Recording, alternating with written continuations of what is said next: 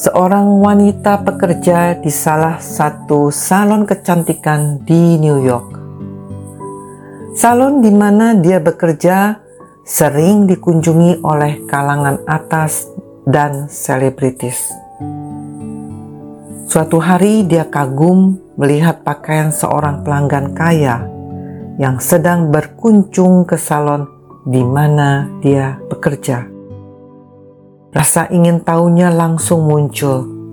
Spontan ia bertanya, "Di manakah ibu membelinya?"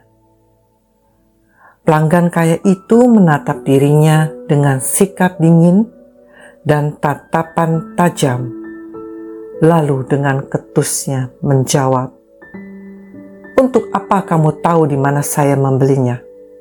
Seandainya saya katakan, kamu pun takkan sanggup membelinya." Mendengar kata hinaan itu, si pekerja salon itu melangkah pergi dengan perasaan yang terluka. Akan tetapi, dalam batinnya ia berkata, "Saya berjanji suatu hari saya pasti bisa mendapat semua seperti wanita kaya itu dapatkan, dan tak akan pernah ada orang." yang akan mengatakan seperti itu lagi pada saya. Selang beberapa tahun kemudian, terlihat di banyak koran foto si pekerja itu bersama orang-orang top dunia seperti Pangeran Charles, Putri Grace dari Monaco, Rose Kennedy, dan lain-lain. Si pekerja itu tidak lain adalah St. Lauder, salah satu wanita terkaya dan pionir dalam industri kecantikan dunia.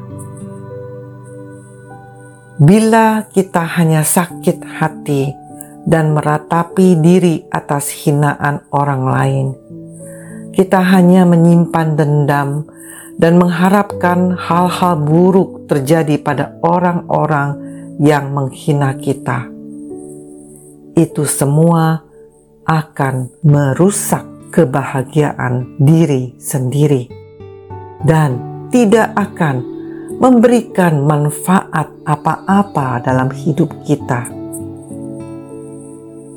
Belajarlah dari sikap Estee Lauder yang telah berhasil mengubah rasa dendamnya menjadi motivasi diri untuk meraih kesuksesan.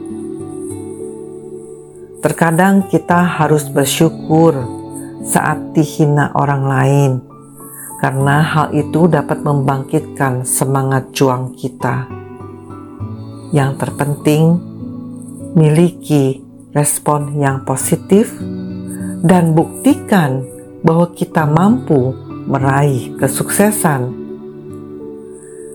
Ingatlah Mazmur 34 ayat 19 berkata, Tuhan itu dekat kepada orang-orang yang patah hati dan ia menyelamatkan orang-orang yang remuk jiwanya. Amin.